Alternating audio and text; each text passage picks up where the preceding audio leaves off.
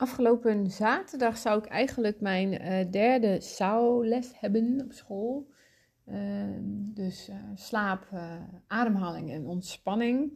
En ehm, die les ben ik nu even mee bezig. Want ik ben de afgelopen keer natuurlijk niet geweest, omdat ik ook die aanrijding had gehad. En nou ja, letterlijk even tot stilstand kwam. Um, dus en ik mag in principe drie lessen missen. Nou ja, ik had nog geen eerdere les gemist. Dus ik denk, ja, of ik hem nog ga inhalen, weet ik niet. Misschien doe ik het lekker even in mijn eigen bubbel. Dat is ook eigenlijk helemaal oké. Okay. Um, het is wel grappig, want ik ben uh, dus even bezig met het terugkijken naar de les. En uh, dat ging over emoties. En um, wel interessant, um, vind ik zelf, om daar weer terug naar te kijken. Want emoties zijn, of is niets anders dan energie wat in beweging uh, is. Dus zeg maar, zie maar zo'n golf voor je.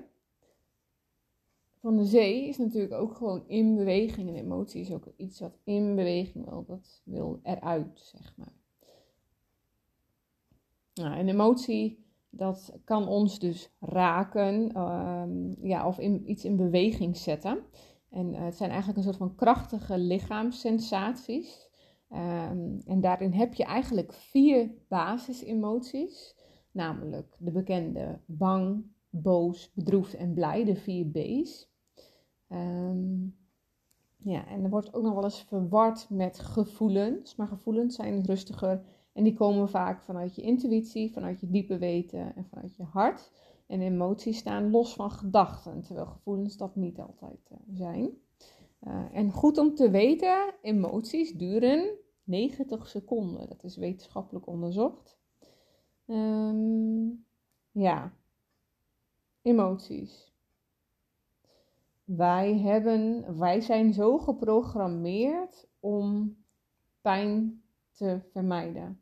En dus altijd maar weer plezier op te zoeken. Ons primaire instinct die zegt weg daarbij. En uh, die gaat dan heel automatisch eigenlijk een soort van in de overlevingsstand. Dus weg bij de pijn. Um, ja, dus de minder prettige emoties worden dan vermeden. Weg ermee. Weg van die angst, die pijn, die schaamte schuld, wanhoop, verdriet. En wat er dan gebeurt op het moment dat we dat gaan doen. Dus stel we voelen iets, we worden getriggerd. Uh, en we gaan dus erbij weg. We gaan hem niet voelen. We voelen wel dat er iets komt, maar laten we niet toe. Dus dat duwen we weg, duwen we weg dan zet het zich vast in ons systeem. En dat veroorzaakt uh, ja, blokkades en of mogelijke klachten. En dat hoeft echt niet direct al te gebeuren. Soms juist jaren later, tientallen jaren later, soms wel twintig jaar later, soms wel dertig jaar later. Maar het komt hoe dan ook een keer terug. Um, nou ja, met een stukje persoonlijke ontwikkeling ga je natuurlijk lagen van jezelf aanpakken. Dus ook die onverwerkte emoties. Um, ja. En dan heb je een heel mooi, um, hebben we een heel mooi uh, plaatje, zeg maar, dan met een mooi rondje, daar nog weer een rondje in en daar nog weer een rondje in. En dan heb je de buitenste laag, dat is dan uh, uh, je bewuste emotie, dus het secundaire eigenlijk, want dan heb je die volgende die erin zit, dat is je onbewuste, dus je onderdrukte emotie. Maar dat is eigenlijk je primaire emotie. En dan heel diep daar binnenin zit dus uiteindelijk jouw weggestopte emotie die dan naar voren komt. Um, nou, misschien ken je het. Um, even uit mijn voorbeeld bijvoorbeeld al noemend. Um, het kan zomaar... Oh nee, nee dat, dat was inderdaad gebeurd. afgelopen zomer was ik aan het werk. En iemand zei wat tegen mij. En ik werd zo ontzettend geraakt. Op dat moment. En ik dacht echt van... Uh, ik kom al door de grond zakken. Zo, zoveel pijn deed mij die opmerking. En ja, dat is natuurlijk eigenlijk helemaal niet datgene wat die persoon op dat moment tegen mij zegt. Maar het is natuurlijk dat weggestopte deel, die onderdrukte emotie, wat dan roept van: ik zit er nog, ik zit er nog, dus ik word getriggerd in iets. Uh, ja, wat al heel lang daar waarschijnlijk zo suddert. Maar ja, goed dat. En dat is dan eigenlijk een soort uh, ja, oude pijn, oude, kind, oude kindpijn kun je dat ook wel noemen. Die we dus uh, ja, misschien als kind bijvoorbeeld niet konden voelen of ervaren. Um, want het was misschien toen te, te emotioneel, te overweldigend. Of de plek was niet veilig genoeg om te uiten. Dus het was een onveilig, een onveilige plek. En um, ja, die emotie hebben we dan diep weggestopt in onszelf. Um, nou, emoties uiten. Veel mensen vinden dat lastig om ook misschien woorden te vinden voor, voor, je, voor het gevoel of de emotie. En, um, ja, en vaak hebben we dus ook meegekregen in de, uh, in de kind- of jeugdjaren om ja, het eigenlijk soort van niet te doorvoelen, om het eigenlijk weg te stoppen. Uh, omdat het ook wordt, werd gezien als een teken van zwakte. Want wie huilt is zwak. En uh, dat zit dan zo verankerd ook in ons ja, hele zijn, in ons systeem. Um, ja, met dus als gevolg dat we onze emotie op een andere manier gaan uiten. Zoals boos worden, gefrustreerd, uh, stampen, weet ik het wat. Um, allemaal fysieke gedragingen. Um, ja.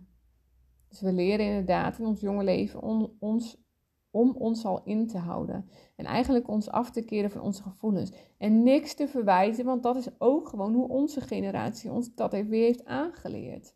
Um, en dat mocht er eigenlijk natuurlijk ook nooit echt zijn. Er zit nu echt zo'n kantelpunt nu. Van ja, dat we dus erachter komen wat het dus met ons doet. um, dus ja. Mm nou ja, wat voor klachten kan het uiteindelijk dan um, opleveren? Nou, dat is bijvoorbeeld hyperventilatie, uh, nou, woede, angsten, depressie, moeite met grenzen, uh, problemen in een relatie. Um, ja, het is eigenlijk op alle niveaus, mentaal, fysiek, emotioneel, energetisch en spiritueel. Nou, dan heb je dus het helen van je emoties. Uh, dat zijn vier stappen. die heten ook letterlijk heel. Um, ja, het begint dus eigenlijk ook met het herkennen van de emotie. Um, daar is vaak ook al veel verwarring, omdat er meerdere emoties tegelijk door ons heen gaan, waardoor we ons eigenlijk een soort van overweldigend voelen en ja, eigenlijk niet zo goed kunnen uh, denken, helder kunnen denken. En daarnaast ontbreekt vaak ook de, ja, eh, om goed te begrijpen wat we nou eigenlijk daadwerkelijk voelen. Uh, de tweede stap is het erkennen van de emotie. Dat houdt in dat we ruimte maken om het gevoel toe te laten. Te voelen en te accepteren dat dit blijkbaar is wat er op dit moment is. Dus voelen wat je voelt. En um, ja, toelaten dus. De derde stap is expressie geven aan de emotie. Nou, dat kan door uh, via woorden te uiten. Het kan op nog vele andere manieren. Sporten, dansen, andere manieren te bewegen door iets creatiefs te doen, tekenen, schilderen, muziek maken um, of schrijven. Dat is dus ook uh, een manier van uiten. Nou, dan komen we bij de L, dat is de vierde stap, dat is het loslaten. En dat gaat dan eigenlijk vanzelf en is het logische gevolg van de eerste drie stappen. En voor deze stap kun je nog wat actief toevoegen, zoals bijvoorbeeld het afschudden door met je lijf te gaan schudden of er een ritueeltje aan te koppelen. Het is uh, alleen vervolgens uh, belangrijk om dan de gedachten erover ook los te laten. Uh, nou ja, emoties kunnen soms worden afgedaan als iets onzinnigs, iets lastigs of iets zwaks. Um, alleen daarmee doen we ze tekort, want emoties geven hele belangrijke signalen aan over onze grenzen, over onze waarden, maar ook over onze passies en sociale gevoeligheid. En ja, daarom is het gewoon wel heel waardevol en ze helpen ook je te ontdekken wat voor jou belangrijk is in relaties, in je werk, in je leven. Ze zeggen iets over wie je bent en hoe je in elkaar zit. Nou, um, er zijn natuurlijk bepaalde situaties wel eens in je leven waarbij je, waarbij je, je bijvoorbeeld heel erg irriteert aan iemand. Dat je denkt, god, waarom wat irriteert hij mij? En dan is er iets wat dus wordt getriggerd in jou uh, ja, wat jou irriteert. En als je dan heel oppervlakkig uh, gaat kijken, dan zeg je misschien: Oh ja, maar die, is zo'n, uh, die zegt het op zo'n vervelende toon bijvoorbeeld. Nou, dan kan het zijn dat, dat je denkt dat dat jou irriteert, hè, die toon van die persoon. Maar het is niet die persoon. Het is iets ook weer verder terug, um, wat er dan weer onder zit. Het kan bijvoorbeeld ook zijn dat jouw vader of jouw moeder iets op zo'n bepaalde manier tegen jou zei, waardoor jij ehm, nou ja, niet gezien of gehoord werd, ik noem maar wat. Ehm, ja, waardoor jij zo'n irritatie krijgt.